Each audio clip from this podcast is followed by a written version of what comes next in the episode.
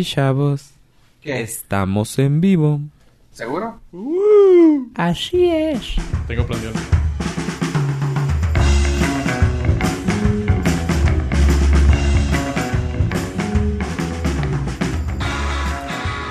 Ok. Ok. Y bienvenidos al Nordcast. Yo soy Fofo Rivera. También tenemos aquí a... Hola, yo soy Joe Pollo. Y también a... A ver, la Rocola Estrada. Bienvenidos, chavos. ¿Cómo están? Estamos muy bien y con harto frío porque es el, el pues, la temporada, básicamente. Gracias a Dios hace frío porque si no estaría más raro. Estrenando año, nuestro primer episodio del año. Eso. Así es, con la nostalgia de que se nos va un año de estar, de estar ya. Se fue. Se fue. Sí, se nos fue, pero digo, con la nostalgia que se nos fue un año de ya estar eh, como un podcast ya puesto, ya bonito, chido. bon- Quiero llorar, chavos. O, o se- o apenas se va, a menos de que ha- ha- hayamos grabado esto en septiembre. En realidad eso así sucedió y somos eh, pitonizos. Así. Cada vez que tenga la oportunidad aprovecho para decir esa palabra. Y yo tengo seis años y me sigue dando risa. Pues bueno, no sé, la- lo que pensamos hacer esta ocasión, eh, dos, nosotros fue hacer lo siguiente. Vamos a hacer una, pues, ¿cómo le puedes llamar, pollo? Recapitulación. Recapitulando. una palabra así. Ah, yo sugerí que esto fuera el Rewind 2018 del No No No No Norcast. No, no, no, no, no. No, no, no, no, no. No, no, no, no. Ok, ok, choco pollo. ¿Qué fue eso? Ah, ese es el sonido de frustración. No, no, es cuando te está contento así que yes. Es como Ah, para retener así toda la La, emoción. emo- y la emoción Nomás sacas el aire. que quede contenida y, y clasificación A, Eso fue. Correcto. Choco ave. chocoave, chocopollo y fofo. Y fue futaco. Sí, entonces básicamente nos hemos juntado para hacer de este Rewind 2018 del Norcast.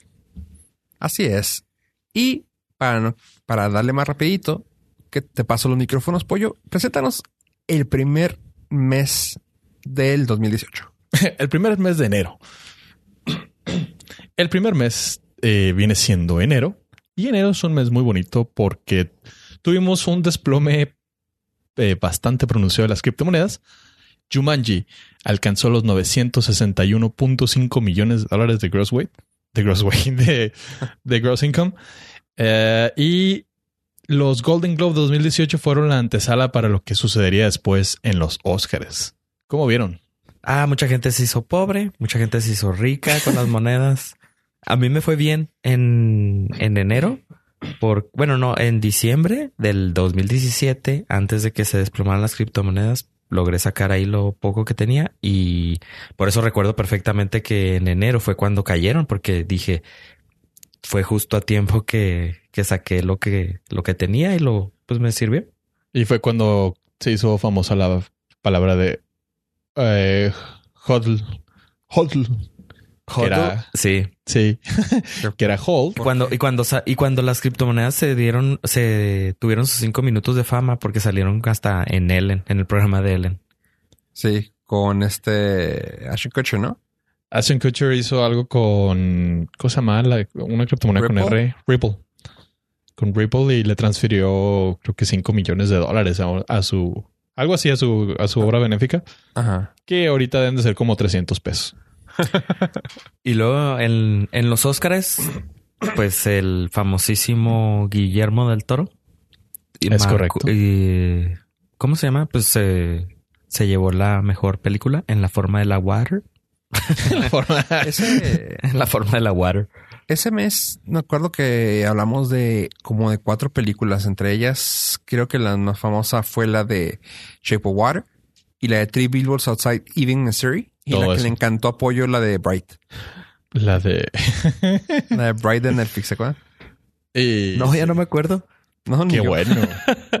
no, la, que net- la me tuve neta que ir a los, me tuve que ir a los anales. ni yo ni yo me quisiera acordar de esa película. La vi por Will Smith Y Ah, ya, ya, ya. La que Ajá. salían los extraterrestres y eso. Ah, la que el no. güey es, eh, es policía de un Sí, sí. Los Ángeles. Eh, ¿Qué será? Con, ser- con seres mitológicos. Sí, sí, donde hay bueno. orcos y todo. Ah, ya, ya. Ajá. Y también salió The Greatest Showman. Ese estuvo interesante. No soy muy fan de los musicales, pero esa se me hizo de lo mejorcito del año. Y igual que la de Dunkirk, Ah, que, es- que estuvo Pero no galardonada. hablamos en eso, hablamos esa en diciembre. No, sí, estamos hablando del, del antesala de, de los Oscars que fueron los Golden Globes. Ajá. y El- estuvo, estuvo ahí el- galardonada. En los Golden Globes ganó de la de Three Billboards Outside Ebbing, Missouri. Ganó como mejor Drama Motion Picture. Así es. Es que Y- también lo- los Golden Globes están bien raros, ¿no? Porque ponen musical a, no sé, a La Bruja, la- el Conjuro. Mejor musical, El Conjuro.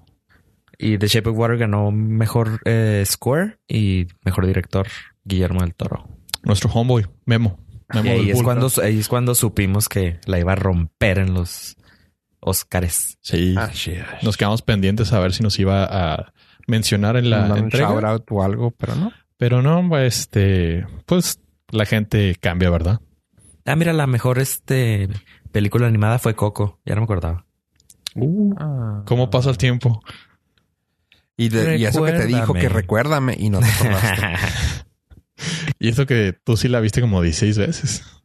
De- Creo que más. Creo que más. Así es, pues fue, fue el telonero para lo que se venía en los, en los Óscares. Fue un, Y buen, eso fue. fue un buen enero para empezar. Sí, sí, sí, sí. El, por lo menos en, en México tuvimos la oportunidad de ver Shape of Water, porque llegó hasta enero. Así es. y bueno, pues vamos con febrero. Eh, Best Buy dejó de vender CDs de música. Eh, Black Panther recabó un mi- mil millones de dólares en taquilla. SpaceX y Tesla pusieron, bueno, SpaceX puso un Tesla en un Tesla Roadster en el espacio. Órale. Sí, sí. Fue un- Casual. me- ahora sí, como dice el dicho, ¿no? Fue un febrero loco.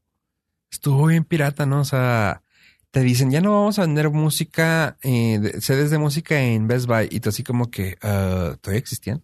Who cares? Y siento que no, o sea, fue noticia, pero así como de nostalgia. Sí, algo así se me hizo. Y luego salió el Black Panther eh, y ganó, o sea, batió taquilla, algo de lo más grande que ha habido. Este, como un personaje principal de, de Marvel. O sea, porque la, la que más ha ganado an- antes de esa fue Avengers, donde tuvieron que haber 6, 7, 8, 10 personajes en pantalla. Y aquí fue solamente un personaje en el que estuvo. Y ándale, la partió con mil millones. Es un madral. Es un madral de Y aparte el fenómeno que fue Black Panther, o sea, va- es así como se volvió ah, pues el estandarte para muchas personas. No sé, algo así como les Sí, dio una identidad y movimiento. Sí, exactamente. Sí, estuvo, estuvo muy padre. Este, de hecho, a mí fue lo que más me gustó. Y en ese entonces, cuando estaba la película, que hasta la fecha, hace unos un par de semanas, platicaba de decir por qué no les gustaron. Y algunos así de que es que no me gustaba porque era, se aprovechaban mucho de, de la raza. Y yo, o sea, eso fue lo padre de la película, man. O sea, sí, el simple hecho que se pudieran ver representa- representación en la pantalla como un superhéroe que donde normalmente en el mundo de Marvel es totalmente blanco. Estuvo bien chido eso. Aparte la película estuvo chingona. O sea, fuera de todo. O sea, aparte del, de la inclusión y de la representación que, seamos sinceros, ha sido poca en la historia de, de los superhéroes. La película estuvo divertida. Y lo que se me hace raro es que siento que fue la vi hace como tres años. Y todavía no, o sea, 11 meses. Yo ni la vi en ese tiempo. Yo me esperé a que saliera en DVD. Y estuvo padre, ¿la viste? Sí, al final sí la vi, pero no. Wakanda Forever. Ajá, ya después de como seis meses entendí por qué todo el mundo amaba Wakanda para siempre. Y yo entendí por qué Elon Musk lanzó su Tesla Roadster al espacio. Porque, ¿qué fue lo que entendiste? Resulta, resalta que aparte de un stand publicitario impresionante donde todo el mundo vio un Tesla abandonar la órbita de la Tierra, el verdadero motivo era saber si los Falcon, si el Falcon, el- los tres El Heavy. Falcons, el Falcon Heavy, era capaz de lanzar más de 400 kilos de, de carga. Entonces idearon el peso del carro y pensaron, ¿por qué no? Vamos a lanzar el Tesla. Si falla, no perdemos mucho, pero si, si pega, va a estar bien fregón. Y fíjate que las pruebas estándar se hacen con, bueno, se hacían con eh, cemento. Mandaban la carga, o sea, esterilizaban el cemento y lo mandaban al espacio. Fue una de las críticas que tuvo Elon Musk porque le dijeron que el carro no estaba esterilizado para mandarlo al espacio. Porque imagínate, llevas un microbio en la, en el roaster, se va al espacio, sobrevive, llega a un lugar donde no te imaginas, crece y puede causar un caos en otro lugar que no sabes. Y cuatro mil milenios después, ese microbio va a lanzar un carro Tesla al futuro va a regresar. y, va a, re- y va a ser todo el completa la historia. es el círculo completo. ¿Cómo, ¿Cómo sabemos que así no fue como empezó la historia en la Tierra? Pues algo así. O sea, mind, mind blown, pollo. sí, sí. Mind- Microbios Un microbio.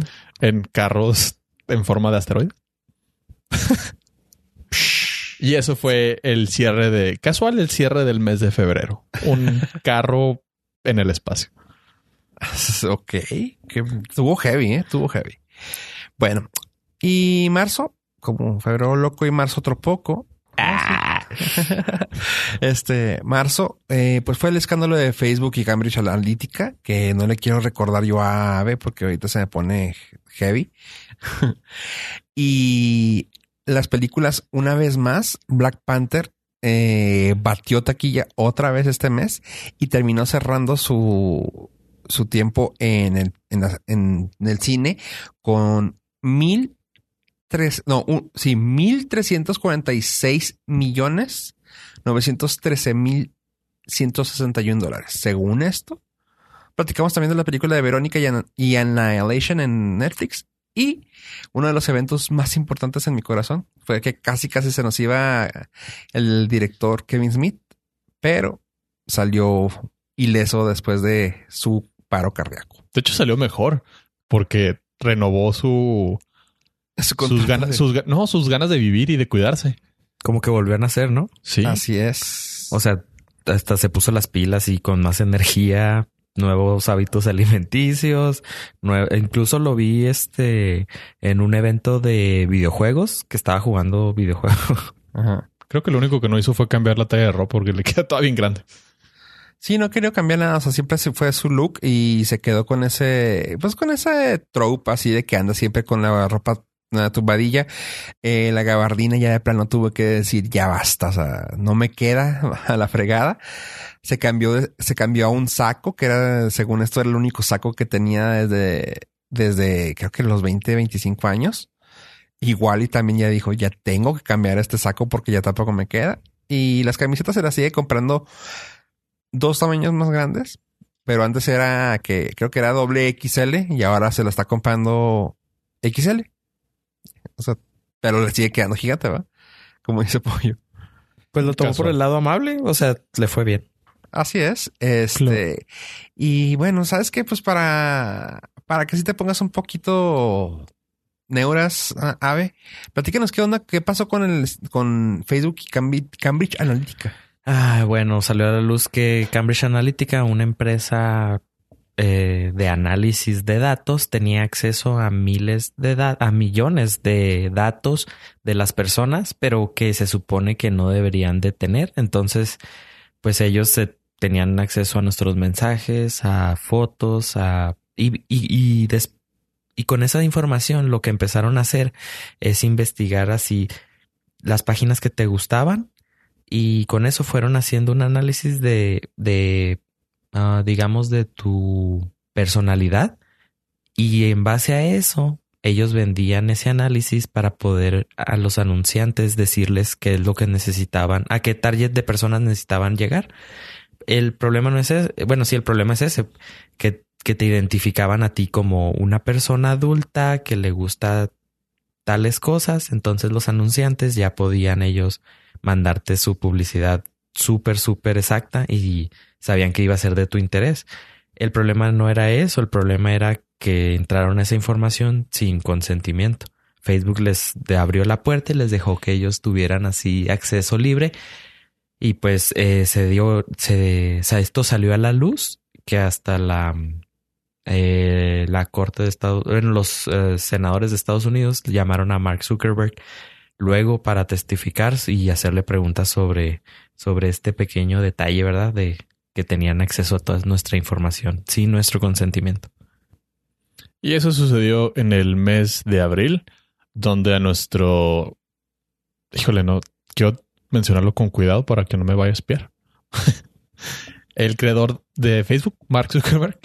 Eh, ya lo nombraste. Sí, sí.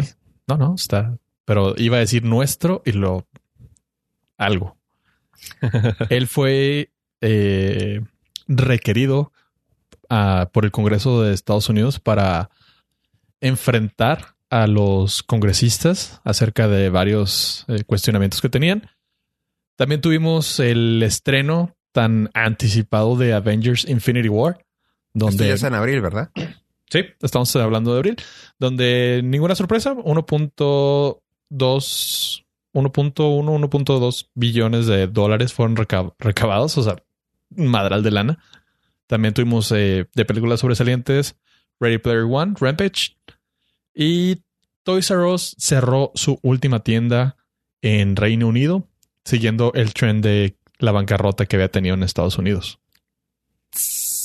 Y pues bueno, Mark Zuckerberg Después de, ese escándalo, lo llaman al Congreso de Estados Unidos a declarar, le empiezan a atacar con preguntas que casi todas las evadió diciendo, eh, no tengo la información en este momento, pero mi equipo va a trabajar para mandarle una respuesta y se eh, estuvo evadiendo las preguntas diciendo que no, que nada más él tenía acceso a cierta información, que no permitía que nadie accesara, bla, bla, lo cual sabemos que no fue cierto.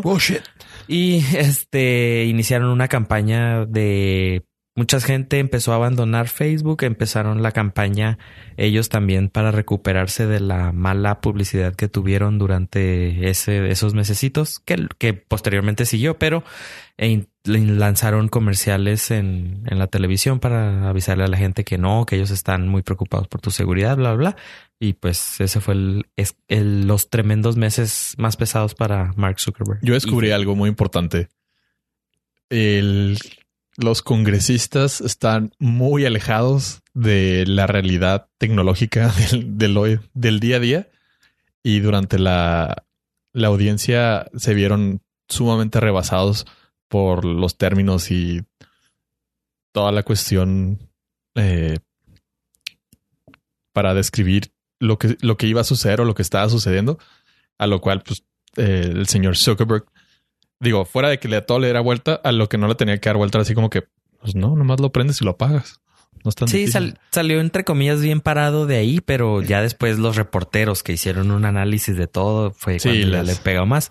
Sí, sí, ahí él salió ahí bien parado hasta cierto punto. Pues sí, porque o sea, pues, no tenía nadie, nadie sabía qué preguntarle. O sea, nomás era él fue, él se sentó y disculpe, ¿cómo prende una computadora? A ver. O sea, eran preguntas tan tontas que era así como que claramente él iba a salir, pues, como dices tú, o sea, ganando. Y oh, híjole, hubo una que me dio mucha risa y no se me va a olvidar. Un congresista le, le dice: Si yo estoy platicando con alguien acerca de Black Panther, me va a salir publicidad de Black Panther. y dijo que, señor, ¿por qué la pausa? y entendimos que a lo mejor no se refería precisamente a Black Panther. Pero todos sabemos que si estás platicando de cualquier tema, sí te sale publicidad sí te va a salir de cualquier tema. Lo hemos mencionado aquí repetidas ocasiones en su podcast de confianza de la paranoia. Así que eso fue lo que sucedió con el señor Mark Zuckerberg en la audiencia de abril.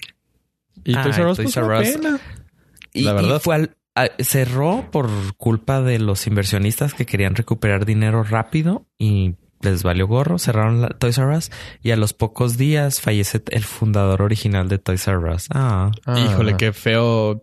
irte de este mundo sabiendo que destru- destruyeron tu legado. Simón, Y lo solo quiso- por unas cuantas monedas.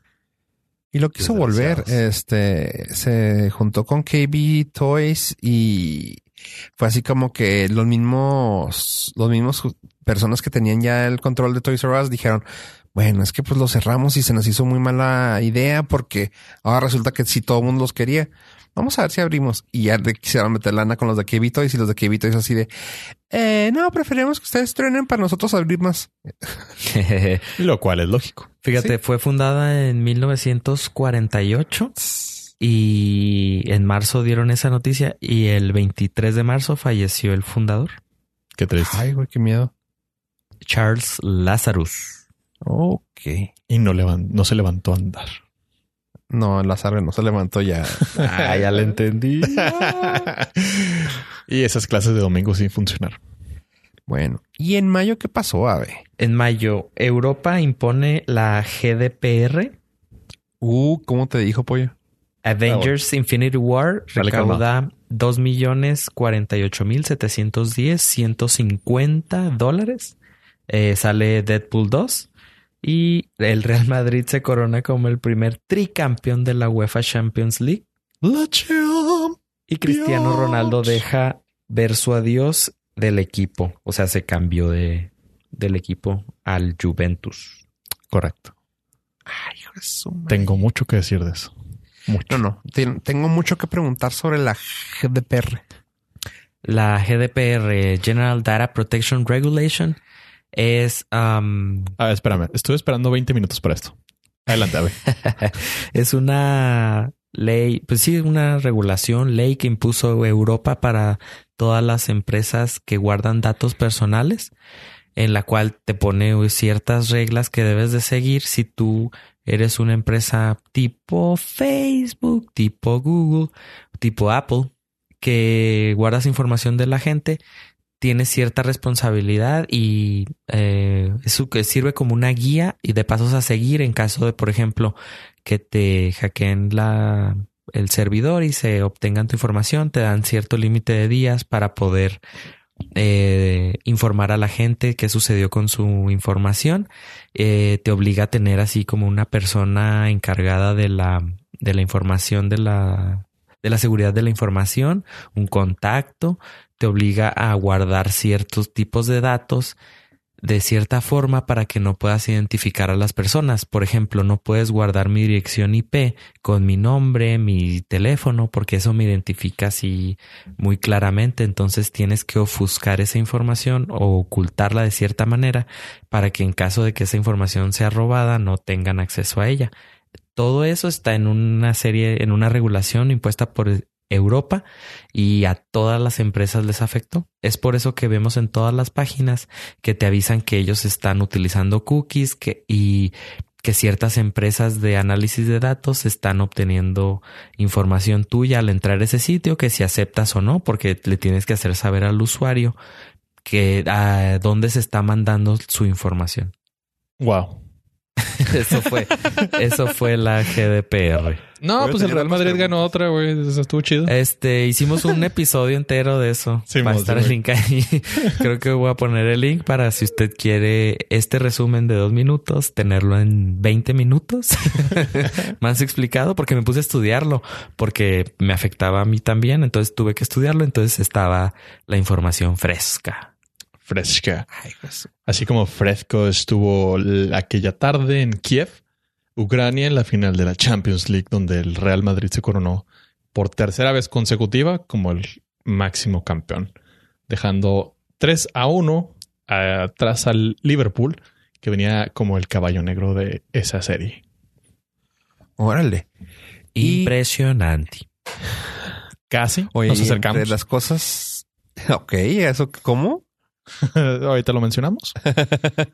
Eh, bueno, eh, y en cuanto a películas que pues fue la... Aquí volvió a aparecer eh, Infinity War y aquí cerró con la sorprendente cifra. O sea, esto me llamó la atención. Que en abril fue con oh, mil, o sea, con mil veinticinco millones y terminó cerrando su estadía en, el, en, en taquillas con dos mil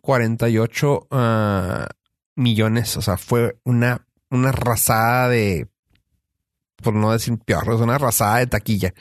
Fueron 2048 millones 710 mil 150 dólares en arri- arriba de 2 billones. es- cualquier cosa ya es cuestión de nada. Los numeritos que le siguen están No, es que, te, que, que si quería decir los centavos. Pero bueno, y también Dos en ese billones. entonces salió Deadpool 2. Fun fact, el, el recorto, el rerun, el remake, el... Bueno, hice una edición especial para Navidad. Sacaron la película para Navidad, uh, Once, on- Once Upon a Deadpool. Uh, y cuando esté escuchando esto, este, este programa en específico, tendrá cinco días más para irlo a buscar a todas sus tiendas, pues van a sacar el, el Blu-ray en cinco días más. Deadpool 2, pero el recorto de Navidad. Por si usted está con el pendiente, no me gustó Deadpool 2. ¿No te gustó? Tanto no. La primera estuvo. sí, no, no, la primera fue. Y el recorte de Navidad es Deadpool 2, eh, suavizado para que lo puedan ver con sus hijos Con o personas sensibles. Así es. Eso está bien porque hablan mucho de Deadpool y conozco niños que quieren pues saber más de él y pues obviamente no es apto para ellos, pero el el especial de Navidad a lo mejor sí. Bueno, eh, sí Hay se puede poner porque va a salir hasta en la tele, ¿no? No sé, sea, fíjate. Creo, creo, no Pues va a recuerdo. ser- va- va- se va a poder ver en la tele por la clasificación. Ajá, creo que para eso fue diseñado, pero bueno, para hacerlo clásico estilo Charlie Brown. Sí, porque incluso la broma es de que le cuenta la historia al chavito este de Boy Meets World. No, No, a de Family. los años, los años Ah, maravillosos. ya, sí, de Wonder Years, sí, cierto. Está chida. Este sí la quiero ver porque no la alcancé a ver en el cine otra vez. Luego, eh, tenemos junio, donde Microsoft compra la empresa GitHub, catalogada como la red social de código fuente para los programadores. En películas tuvimos a Increíbles 2 con 1.276 millones. Y también hablamos en el podcast ese mes de la película Hereditario. ¿Y qué creen? Ese mes cumplimos un año al aire. Chavos, estamos en vivo. ¡Wow! Así es. Felicidades. Felicidades En todos. junio. En junio, sí. ¿Cómo la- oye, tú, a ver, que dijiste algo ahí sobre Microsoft con, de eso con GitHub. ¿Qué, qué, pasó? O sea, Bueno, ¿sí los afectó o no? ajá, viendo, viendo en retrospectiva, ¿hubo algún cambio para GitHub? Mm. ¿O mejoró, empeoró o simplemente todo fue igual? Va a mejorar a- como, o sea, lo compraron en junio, pero como hasta finales del año fue cuando les dieron así el, eh, aceptaron todas las, las regulaciones y Europa les dijo, sí, sí se pueden comprar, sí pueden comprar a GitHub. Eh, creo que este año es ya cuando van a empezar a hacer los cambios más grandes. Ahorita sigue trabajando justo igual. Sí tuvo una migración importante de usuarios que se salieron de GitHub porque ya era parte de Microsoft, pero pienso que le va a ir bien. Para los que no sepan qué es GitHub, esta es una, una un servicio que ofrecen para que puedas tú eh, tener tu código fuente de tu software, de tus aplicaciones ahí. Es código libre, se puede ver para cualquier persona y ofrecen también un servicio de código privado y muchas empresas ahí hospedan su código. Sirve para trabajar, para que los programadores puedan trabajar eh, en comillas la nube y se cataloga como la red social de los programadores porque ahí puedes poner comentarios sobre código, ahí puedes seguir personas y ahí pueden ver lo que en lo que tú estás trabajando. Entonces, pues es la parte geek de, de las redes sociales. Pero en realidad no, no, ahorita todavía no tiene mucho movimiento por parte de eso, pero espero que este año se vean algunos cambios. Me acuerdo que salieron memes sobre eso. ¿Y qué, qué, qué fue eso? Que según esto que querías salirte de GitHub, pero la otra opción era también de Microsoft o algo así, algo así. No sé si supiste algo así o nos explicaste. Ah, no recuerdo exactamente, pero, o sea, pues desgracia. Ah, sí, creo que Google había invertido en la otra, en la alternativa. Entonces es- te dejabas tu Microsoft para irte a otra empresa que pertenecía parte a Google.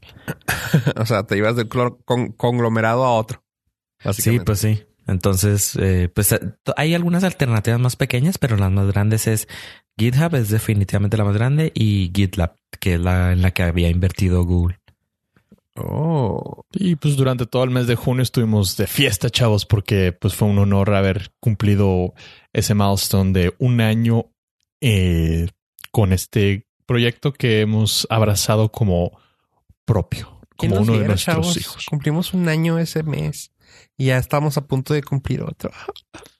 Un año, un Qué año tierno. donde eh, se cristalizaron sueños, fracasos, errores, aciertos. Y también hicimos un podcast. Ok. ¿Y qué pasó en julio, pollo? Ah, Julio, tuvimos la maravillosa oportunidad de ver Ant-Man and the Wasp. Y como cualquier película de Marvel, ya, o sea, su, su recaudación ya fue arriba de un billón de dólares, casual. Eh, tuvimos eh, Misión Imposible Fallout, que fue una auténtica joya ver correr a Tom Cruise durante dos horas y ver cómo se fracturó el tuyo. Y lo más importante, a pesar de que empezó en junio, eh, lo más sobresaliente de julio fue el Mundial de Fútbol de Rusia 2018. ¿Y por qué fue hasta, ju- hasta julio cuando, cuando que lo, lo platicamos o que fue relevante? El Porque cierre. empieza la última semana de junio, pero el grueso del mundial es, a- es en julio. Eh, en julio fue el- la final, donde tuvimos un impactante juego entre Francia, la selección de Francia contra la selección. Esta de- verdaderamente fue una sorpresa. La selección de Croacia, un país de 1.2 millones de habitantes, y llegó al- a la final del, del mundial jugando un extraordinario, extraordinario fútbol. No tanto en, en técnica, sino en corazón. Porque los partidos desde, desde octavos de final se lo llevaron en empates a extratiempos y, y todos los, todos los juegos fueron de 120 minutos. O sea, empates y se iban a los dos tiempos extras y a veces hasta penales. Estuvo impresionante. Sí, si usted estuvo pues, poniendo atención, ahorita yo di un spoiler de, de cómo estuvo el mundial. Y también descubrimos que los coreanos también son nuestros hermanos. Es correcto. México logró uno de los eh, una de las victorias más memorables de su historia al vencer al, en ese entonces a un campeón del mundo Alemania 1-0. Sin embargo, eh, nos metimos el pie nosotros mismos y terminamos fracasando en la misma instancia que los últimos eh, 16 años. Casual. Sí, pero lo importante, como decía Ave, es que como perdimos el último partido de la fase regular contra Suecia, dependíamos de que Corea le ganara a Alemania, cosa que se veía poco probable para poder acceder al- a los octavos de final. Y Corea sacó el pecho y dijo, hermano mexicano estaba por ti. Y lo logró. Me acuerdo que hasta yo me emocioné y a mí no me interesan esas cosas. No, estuvo, estuvo bárbaro, estuvo bárbaro. Y todo era porque a Corea, de- o sea, no, ya no iba a clasificar. No, No importaba si ganaba o perdía. Pero no, no, ganó. no, no. El, de hecho, nosotros les fallamos a nuestros hermanos coreanos Ajá. porque si ellos ganaban y esperaban que nosotros ganáramos nuestro partido, ellos también se hubieran metido a la siguiente fase. Ah, Pero como perdimos, eh, ya no tenían ninguna oportunidad. De hecho, es muy triste porque cuando, cuando termina el partido que los coreanos ganan, pensaban que México había ganado y se hacían en la siguiente ronda. ah. Y cuando les informan, no, este México el perdí por goleada ante Suecia. Así que, ah, ah. Pero, eh, pues como somos una, eh, un país de fiesta, me acuerdo que en la Ciudad de México se fueron a la embajada de Corea y sacaron al, al cónsul y le dieron tequila y le dieron de comer No, y lo sí, cargaron. y se dejó. Sí, se dejó, pues ya dijo que, eh, pues ya estoy aquí. Estuvo impresionante. Momento célebre de, del nacimiento de la frase. Fue, eso fue julio. ¿Y qué tal agosto? Tenemos a Misión Imposible 6, que recaudó 857 millones. Eh, Teen Titans Go to the Movies, The Meg. Y eh, Apple alcanza la categoría como la empresa trillonaria, siendo la primera empresa norteamericana en conseguirlo. Wow. Casual. Bueno, Es que Apple ya va en decadencia. Ajá, Vengo sí. escuchando eso desde el 2009. Ya no trae nada nuevo a la mesa. O sea, ¿qué, no, no, qué ya por- nadie, ya nadie compra iPhones, ni MacBooks, ni AirPods, ni iWatch, ni... Estamos aquí ahorita en agosto, pero spoiler alert, en enero del 2019. eh, ahí hay un tropiecito, pero eso lo dejamos para el rewind del 2019. Este, y en cuanto a películas, pues Misión Imposible, que dice Pollo que le encantó verlo a este, a este señor correr desnudo en sus, en sus sueños, pero en la Güey. película estuvo suave. Puede correr en pantalla más tiempo que yo en la vida real. O sea, así de chingones. Y tiene 60 años. Y más bonito. ah, no, eso es de La película, la película estuvo muy padre. Este se me hace de, de la serie, se me hace una de las mejorcitas de las últimas dos. O sea, antes de estas, la- de la 4 y 5, se me hizo de la mejor. Eh, también hablamos de Teen Titans Go to the Movies. Qué bonita película.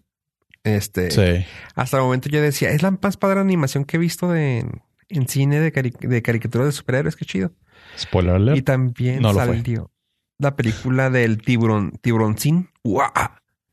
Que fue la de The Meg. Esa sigue sin llamarme la atención. No, y a mí No, tampoco. pero no lo hagas, güey. Yo, yo sí me sacrifiqué por el team y no lo hago. ¿Fuiste también a verla? Fui a verla al cine, güey. Yo también. Pero. Hijo, qué Me mal. arrepentí de cada instante durante la película. Les dije a ustedes que no fueran. Sabes que de, No escucha el Nordcast. No. Eh, lo escuché en, en otro programa y que nada. no, había un compromiso y, y asistí. El, el convivio estuvo padre. El- la película no lo tanto. Ah. Pero Misión Imposible y Teen Titans Go to the Movies fueron un verdadero acierto del 2018. Sí, hasta yo fui al cine a ver Teen Titans Go. Tú Ah, te pero es que estoy oyendo las caricaturas. También. la- Ah, sí, estaba viendo la serie y Ajá. sale la película y es así como que, wow. Nice. Ah, lo, que, ma- el- lo que más, más rescato de Teen Titans es el cambio de...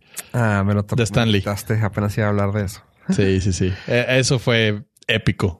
No, tam- to- también lo de Batman. Todo lo de Batman era, era una. No, no, sí, constante. pero el, el estandarte de Marvel Sí, sí, sí, sí, en sí. una película de DC. ¿What? Así y fue. importante era ese señor. Sí, sí, sí. Este... Fue, fue un buen homenaje antes de que supiéramos todos. ¿What? ¿Qué supimos? Pues que después iba a colgar los zapatos. Ah, antes de que supiéramos todo, yo, "Uy, pues, ¿qué Spoiler alert, todavía Es no que llegamos es- a noviembre. Ah, es rewind. pasó?" Así es. Este, bueno, y, el siguiente mes es septiembre. Eh, nota importante, cumplo años. Luego el Apple Keynote, hablando de la compañía más jodidona que, que tiene Estados Unidos, estuvo presentando los iPhones nuevos, el XS, XS Max y el XR, o sea, el 10S, 10R, S Max y 10R. Pero no, no sé por qué no quieren que les digan X. Sí, ahí está su nombre. Simón. sí, su nombre lo, como su nombre lo dice. Exactamente.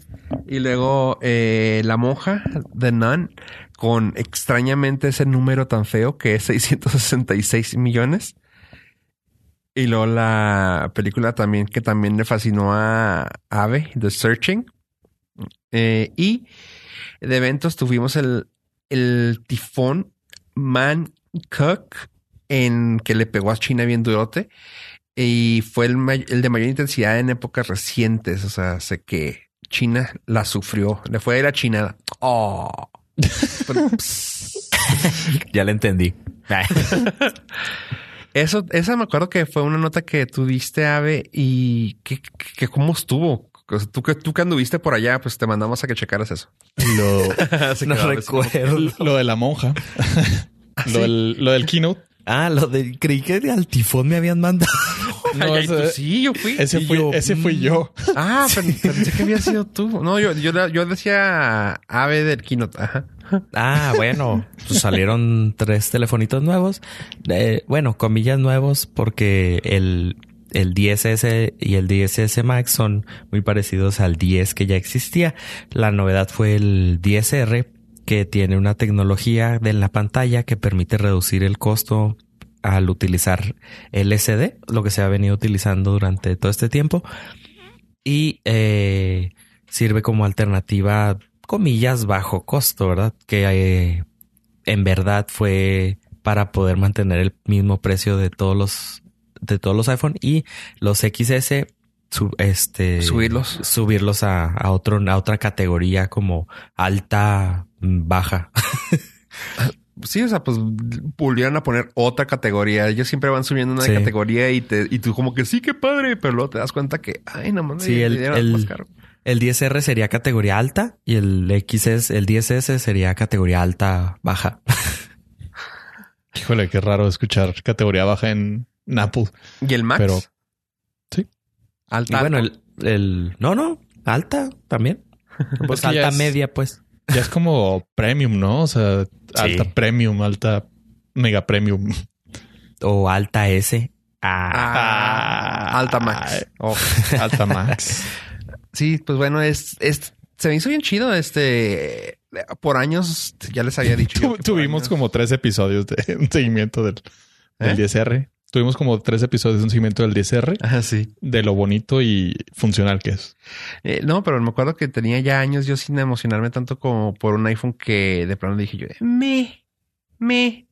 Que seguía yo con Android y Android y Android y Android y siempre de que, nah. Y hasta que salió este dije yo, se me hace que sí me animo. Se me hace que sí. Y sí, sí me animé. Ya soy, ya soy Apple user totalmente. Y pues sí, estoy muy contento a ver qué salga después, pero hasta ahorita los 10X, 10R están chidas.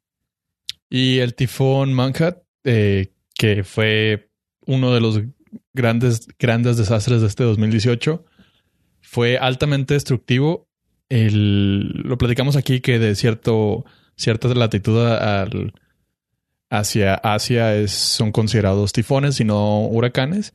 Pero si hubiera sido un huracán hubiera sido categoría 5, eh, le pegó particularmente a Hong Kong y lo desmadró,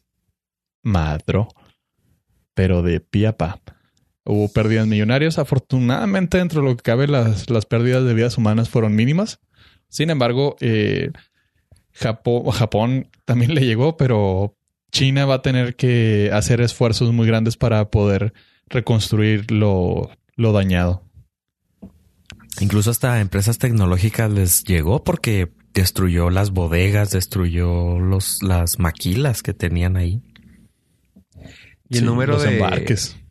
¿Y el número de chinos en el mundo bajó o siguió igual? Se mojaron. Ah, ok. o se multiplicaron. That was really bad. Y en octubre lo que tuvimos fue IBM compra Red Hat para competir en servicios empresariales en la nube se estrenó la película de Venom con 821 millones de dólares como recaudación. A Star is Born y Black Clansman. Dentro de también relevante en la Fórmula 1, Lewis Hamilton termina en cuarto en el Gran Premio de México. Sin embargo, con ese puesto alcanzó a darle su quinto campeonato de dicha carrera. Bueno, de dicho circuito, de dicho ah, torneo. de la Fórmula 1, convirtiéndose para muchos como el mejor piloto que haya existido, dejando atrás a personalidades como Ayrton Senna, como Michael Schumacher, entre otros. Bueno. IBM. ¿Qué es Red Hat? A ver, no me acuerdo. Red Hat empezó como una empresa, una distribución de Linux. Y pues si tú recuerdas, Linux es entre comillas gratuito. Entonces, para ellos poder eh, tener algo de dinero, empezaron a ofrecer servicios a empresas. Empezaron con soporte y luego empezaron con eh, darle servicios para alojar su, eh, su infraestructura y la empresa fue creciendo.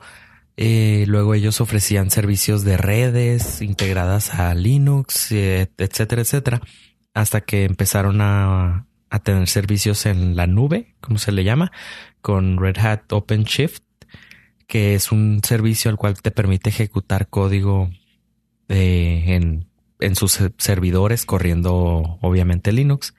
Y eh, pues se hizo tan grande que Microsoft decidió comprarla porque Microsoft al cambiar de CEO eh, con el nuevo Satya Nadella, eh, empezaron a cambiar su visión y ellos se dedican a software. Ya no están cerrados a nada más a desarrollar aplicaciones para Windows o soluciones para Windows. Entonces ellos ya están viendo cómo implementar servicios de Linux para poder ofrecerlo como servicios a empresas. Ellos ofrecen servicio, no importa en qué plataforma estés tú necesitando ejecutar tu aplicación, ellos van a tener la solución.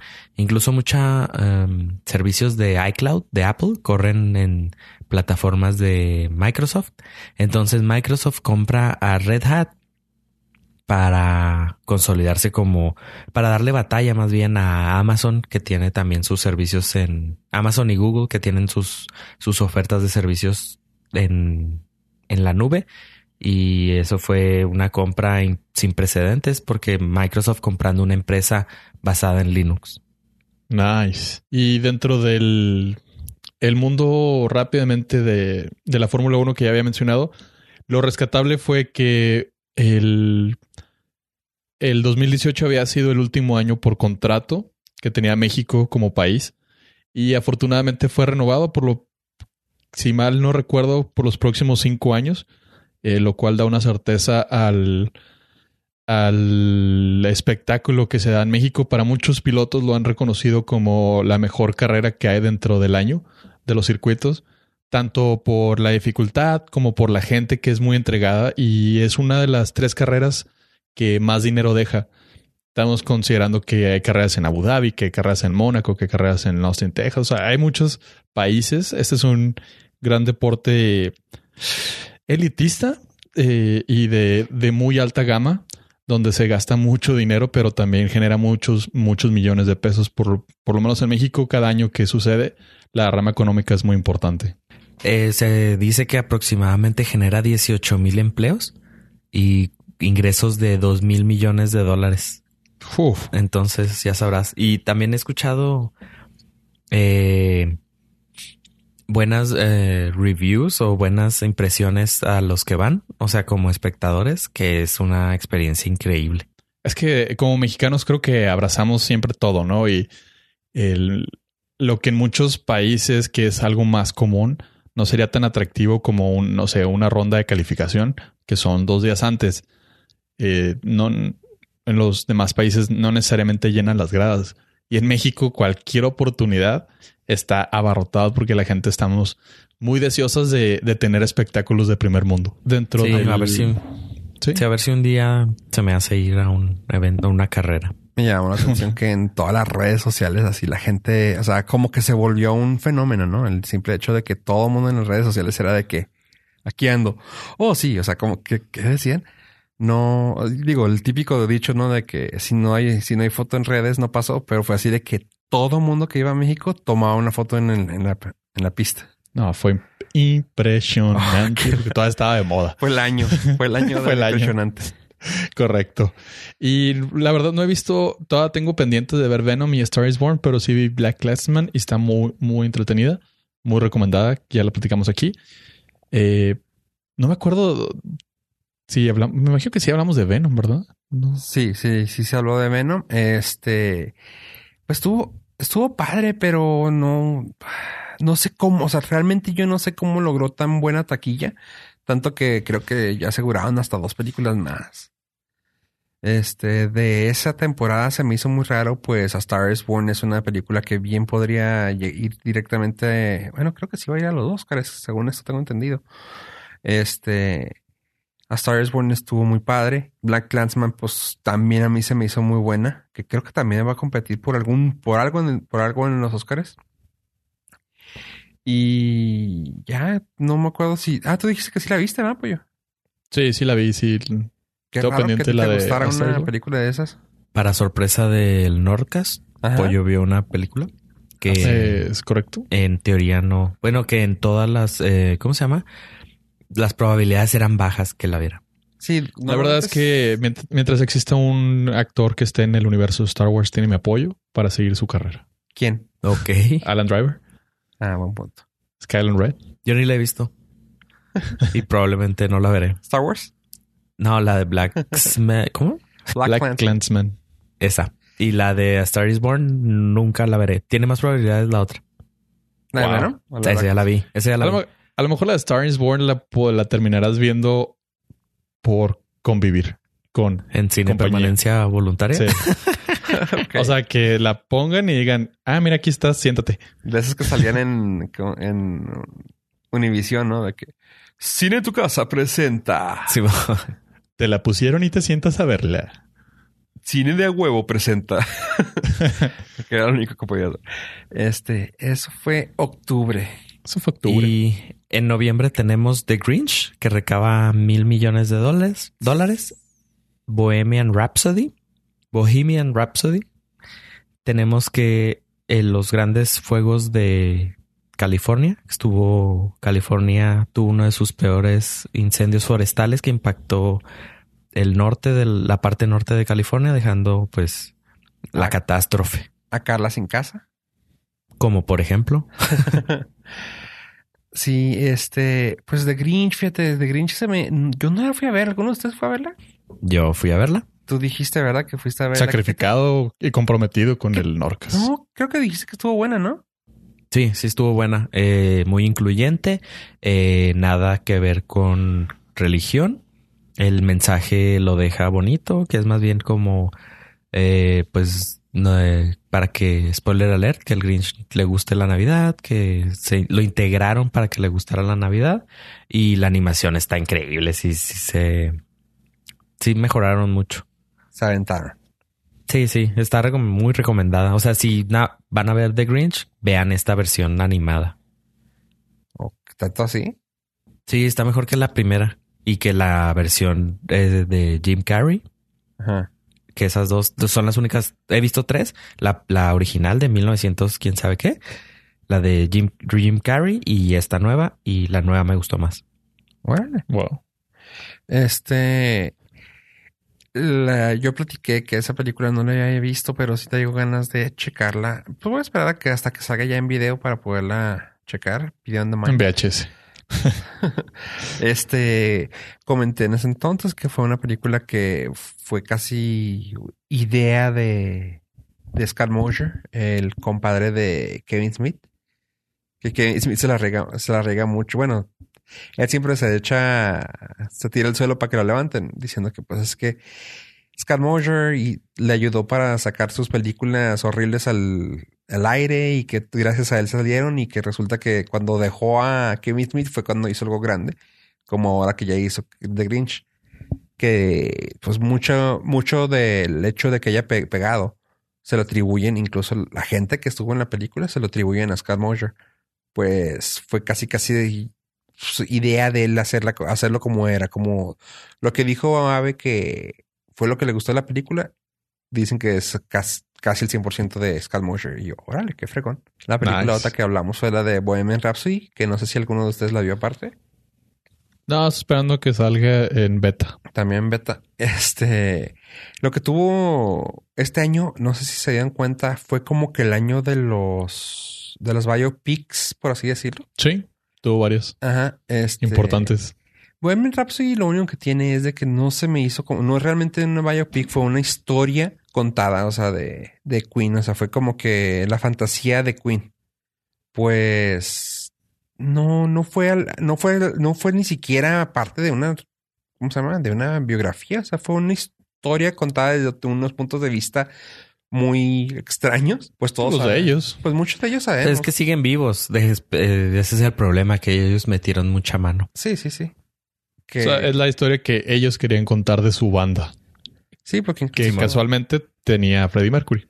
Sí, que incluso lo platiqué, ¿no? De que habían dicho que la película antes de eso iba a ser con Sacha Baron Cohen.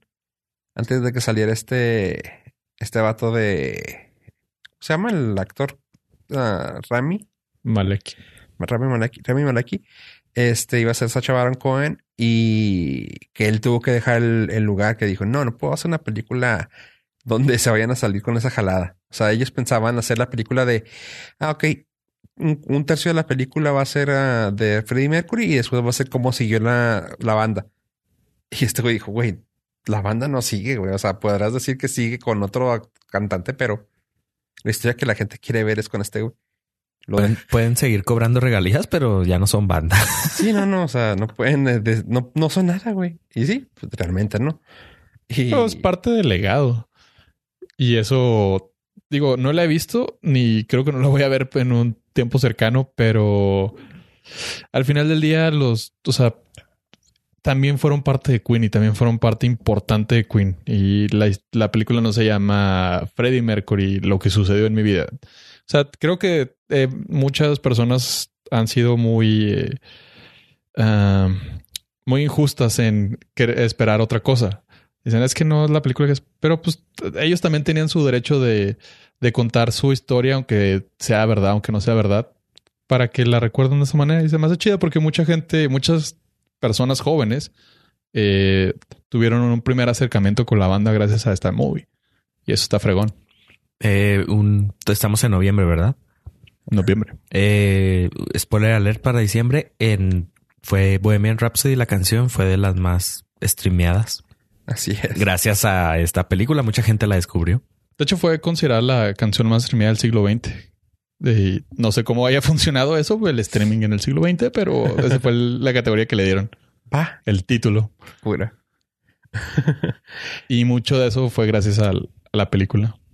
Sí, eso sí. Este, fue, pues fue revivir muchas, fue revivir eh, muchas canciones y pues de- gracias a esa van a salir muchas más biopics de ese, de ese tipo. Y me refiero a ese tipo como biopic fantasiosa. Pues va a salir también la de este señor Elton John, que también va a ser fantasiosa, pero pues se agradece que exista, ¿no? O sea, va a estar chida. Va a estar, va a estar chida y yo también la quiero ver.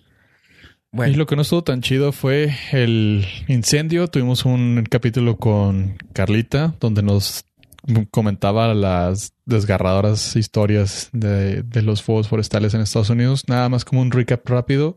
Los daños en cuestión, de dinero alcanzaron casi los 3 billones de dólares, lo cual es muchísimo dinero y fueron afectados miles. eh, bueno, tengo una cifra más o menos de 1.8 mil kilómetros cuadrados en Thomas Fire y Santiago de Canyon. O sea, el, el impacto fue durísimo. Eh, hubo por lo menos 94 personas fallecidas, que estoy seguro que el número va a ser muchísimo más, considerando las desaparecidas. Y fue una de las catástrofes eh, naturales más fuertes de, del mundo. Eh, sucedió en California, aquí en Ciudad Juárez tuvimos eh, días con, con alertas de contaminación por el humo del fuego que sucedía en la costa oeste. Qué fuerte. Sí, incluso dijimos que se alcanzaba a ver un poquito de haze en el ambiente y que probablemente ah, Carla tuvo alguno de los restos de sus pollitos aquí, en sus, en sus pulmones. En paz, Los en paz disfrutamos. Y bueno, este, y para terminar el año, podemos terminar diciendo que tuvimos muy buenas películas. Entre ellas tuvimos Aquaman con 1063 millones. The House That Jack Built. Roma, Romama. Ah, no, esa es otra. Ah, First Man, una peliculilla ahí gachona que le gusta pollo. La de Rams, que sigo pendiente de verla, que Ave nos habló de ella.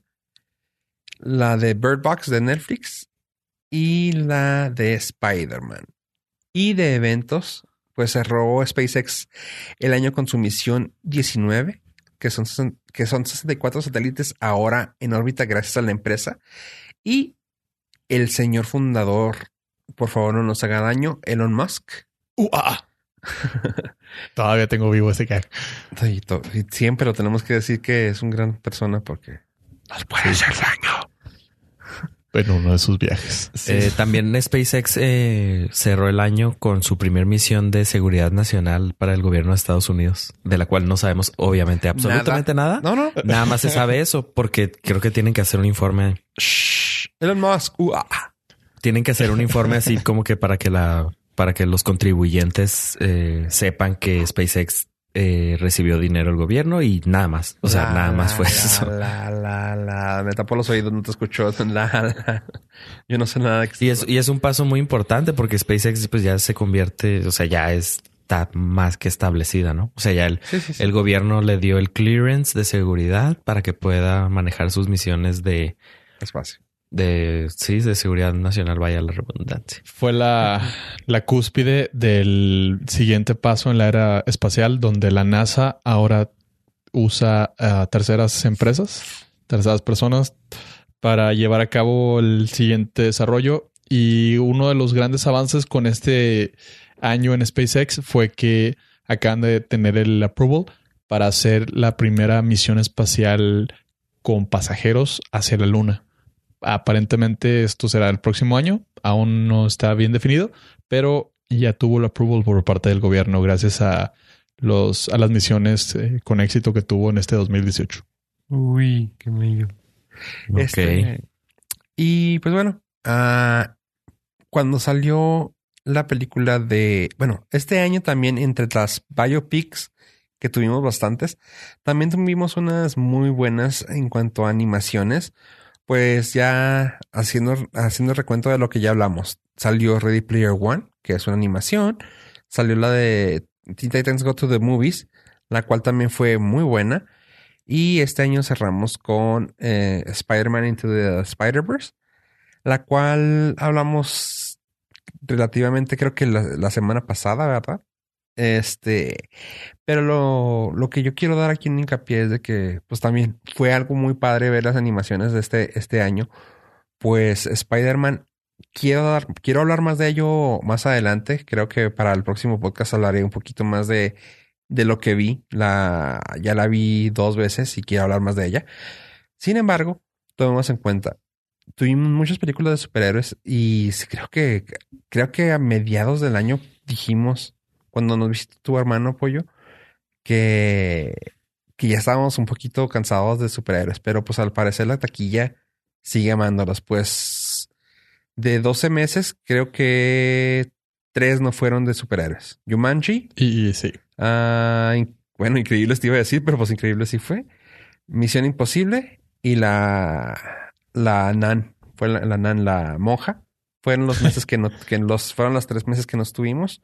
hablando la de. Nani. Eh, y pues hubo mucho cine también de, de arte ya en pantallas grandes y eso se me hizo muy suave. Pues Roma, pues aunque no estuvo tanto tiempo en el cine, que realmente estuvo muy limitado, ah, lo tuvimos. Y la de The, Jack, The House of Jack Built, que también es una película pues de culto artística, por así decirlo. Dificilísima de ver. Sí, este... Más que Roma. Wow. Y, me y también, tanto porque no la encuentras, como también porque es muy difícil de ver. Muy cansada. No metada. Yo re- lo que recapitularía del Roma, más que allá de la película, si les gusta uno, fue que inició una guerra sin cuartel entre Netflix y las, bueno, las distribuidoras, en caso de México, Cinemex y Cinépolis, donde las nuevas reglas del juego ahora no las ponen ellos. Y ahorita está muy interesante ver hacia dónde, quién va a estirar más, quién va a aflojar más porque una de las solicitudes para que la pongan eh, Cinemex y Cinépolis es que tiene que durar por lo menos, me parece que un mes en cartelera o más. Y la, obviamente la taquilla va a ser para ellos. Y Netflix eh, se negó a eso. Nada más querían tener una proyección de cinco días para poder cumplir con los eh, requerimientos de festivales y los Óscares. Entonces, creo que la, la, lo que más me llevo yo de este año de, de Roma fue la, la guerra que se avecina de acerca de cómo se ve una película, ya sea en cine, eh, con lo tradicional de Cinepolis o Cinemex, o en pantallas de streaming, o en proyecciones pequeñas y casi casi artesanales como fue Roma, que hubo lugares de 50 personas donde la estaban proyectando. Y algo también interesante que logró hacer Roma, creo, fue el hecho del el nacionalismo ah, social. No sé cómo explicarlo. Pero bueno, eh, mucho el, mucho ruido que hizo en las redes. El hecho de que o te gustaba o eras un este Antipatriota. antipatriota, Malinchista. malinchista, mala persona, inculto, o sea, Fíjate, yo no la he visto y, y, inculto. y ya soy todo eso. Exactamente. o sea, no podrías, no podías tener un solo, o sea, un gusto aparte, porque no, no, eras una mala persona, eras un inculto. No sabías de lo que estabas hablando. Y así como que, ah, órale, pero pues si a mí me gusta, no sé, la risa en vacaciones así de 8, fácil. o sea, ¿estoy bien o está mal o no sé? Ah, pero a quién no le gusta la 8. Bueno, pues es un mal ejemplo. Sí, eso sí. No, o sea, pero digo, o sea, no puede, no te puede, no, es que está canijo eso de la gente, ¿no? O sea, de que ah, es que no sabes, Roma es lo mejor. Este, pero es que no me gusta. Pues no, es que tú, lo que tú piensas no importa. Eres un malinchista. Ok. Tú solamente sabes ver películas de superhéroes. Sí, pero es que pues no me, no, no, no, No era mío. no me supo Roma. O sea, no, ni me identifico, ni, ni sentí la conexión. Y pues está muy bonita. La, la podría ver en un libro impreso porque el- visualmente es muy bonita. De esos libros grandotes que luego están en rebaja en Barnes Noble. Uno de esos. Pero la película, este. Pero lo padre es que está ahí, y lo padre es que se hizo, y lo padre es que hubo, hubo debate y hubo polémica, y, y se habló mucho de una película mexicana de un gran director mexicano. Y con grandes, altas posibilidades de que se gane varios Oscar. En- dentro de ellos a mejor película extranjera y a él como mejor director. Y a lo mejor mejor fotografía también. Uh, sí, seguro. Y creo que él, él hizo la fotografía, así que todo, todo para él. Venga, Shepaka. Todo Y para también ese, Cuarón. y también ese, ese mes también estuvo, pues bueno, también la película de Bird Box, también se habló de ella. Este, no sé, ya todos la vimos aquí, ¿verdad? Sí. Sí. Y ya, ya, o sea, dijimos que todos lo habíamos visto y que teníamos sentimientos encontrados, pero que la mayoría nos aburrió. Pero Sí. leyeron las, las teorías que sacaron. No, No. eso ya es darle más importancia a la movie de lo que fue en mi vida. En serio, la otra vez lo platicamos en, en otro podcast y fue muy, muy raro ver ese tipo de gente. O sea, que, ah, es que no lo entendí. Así casi, casi como con lo de Roma, pero fue, es que no lo entendieron. Son unos incultos. Está hablando de la depresión. Ah, es que son unos tontos. Claramente está hablando de el racismo en el mundo. Y, ah, es que está hablando del, del movimiento eh, del social media. O sea, salían como tres o cuatro cosas así de que tú, ¿qué? O sea, estuvo bien pirata eso. O sea, No, como no me gustó, no me clavo tanto. Con las que sí me gustaron, sí me clavo. Por ejemplo, la de The First Man. Ajá. Eh, me fui a ver como pollo, como lo mencionamos en el, en el podcast, de los errores y cosas así, detallitos súper técnicos, porque sí quería saber más sobre la historia, pero The Bird Box, pues no. No, no, yo tampoco, pero mm, es que estuvimos platicando en el, en el podcast de Encrochados, dijimos de que Roma, eso, eso mismo que dijimos, ¿no? Que eres un inculto, etcétera, etcétera. Y también así de que Bird Box, mucha gente se clavó y nosotros así como que, pues no, no tenía nada. Y empezamos a ver así como threads. Y sí, salieron cosas así de que tú, neta, o sea, ¿cómo puedes sacar eso de una película que no vale la pena? Pero pues claro que fue por el interés y resultó que fue la película más vista. O sea, más vista de Netflix en muchos años y tú, neta. No puedes. Eh, eso crees tú. Hay, un chiste de eso de cómo le hace Netflix para ver que tuvo 45 millones de, de vistas con 22 cuentas activas. Todo el mundo Ah, prestando es- cuenta. Eso es lo que nos dice Netflix. Como tú dijiste, Netflix nos manda los números y, o sea, no nos deja ver números, pero cuando nada más le conviene. Entonces, Ajá. igual y Sí, sí, sí, sí. pues quién sabe. No, yo sí creo que haya sido un gran, gran fenómeno, tanto que hay un challenge ahorita que se hace tan estúpido que hasta, hasta la cuenta de Netflix en Twitter tuvo que decir, chavos, eh, no, o sea, no disclaimer. hagan el, no hagan el Bird Box Challenge porque o sea, se van a morir. Todo lo que termine en challenge mm, Está de mal. recomendación no lo hagan.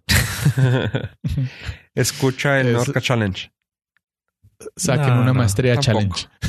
Ah, no, no, no vale la No pena. vale la pena. Mira, ya son, Comprobado. 85, ya son 85 y ni, si- ni siquiera Pollo los ha escuchado, así que Menos usted. Así que no. no, lo tiene que hacer. Es más, apáguele ahorita ya. Y eso que yo he estado aquí, los 85. Pero soy como Homero, me pongo en pausa y mi cerebro se va. y bueno, creo que con eso terminamos el año, el recap o el rewind del año. Y digo, la, lo hicimos en. Lo hicimos en junio, cuando cumplimos el año. Que fue agradecerles a la gente, a las personas que nos han acompañado, tanto los escuchas como las personas que estuvieron aquí en los micrófonos con nosotros. Muchas gracias por un 2018 chido. Gracias por los que vengan. Y pues algo que quieran decir ustedes a la gente o, a, o que quieren agradecer por este 2018 que se fue. Ah, yo quiero agradecer a nuestros listeners durante este año 2018 que nos han acompañado día a día. Eh, a ver, les, les, deseamos en realidad que hayan pasado muy felices fiestas y que este 2019 lo que se hayan propuesto sea su alcance y si se propusieron escucharnos durante un año más, se los vamos a agradecer mucho. Y eh, a título personal, si gustan seguirme durante todo el próximo 2019 en, nuestra, en mis redes sociales de Twitter como arroba yo donde le seguiremos dando seguimiento fiel a todos y cada uno de los actores mexicanos que hayan salido en Y tu mamá también. A ver. Excelente 2019, que todos sus challenges sean cumplidos. que cumplan todos sus challenges y pues recuerden entrar a la página norcas.com donde están este y todos los episodios. A mí a título personal me pueden seguir en Twitter como arroba romacuarón. gracias Roma Cuarón. Bueno, y por mi parte, pues ya les agradecí a todos y como siempre, suscríbanse, eh, déjenos mensajes escritos, mensajes de voz, todo en contacto arroba norcas.com o norcas.com diagonal contacto en sus, las redes sociales y en iTunes, por favor, eh, califíquenos chido, déjenos contacto, con, comentarios en iTunes. Por mi parte, yo soy Fufu Rivera.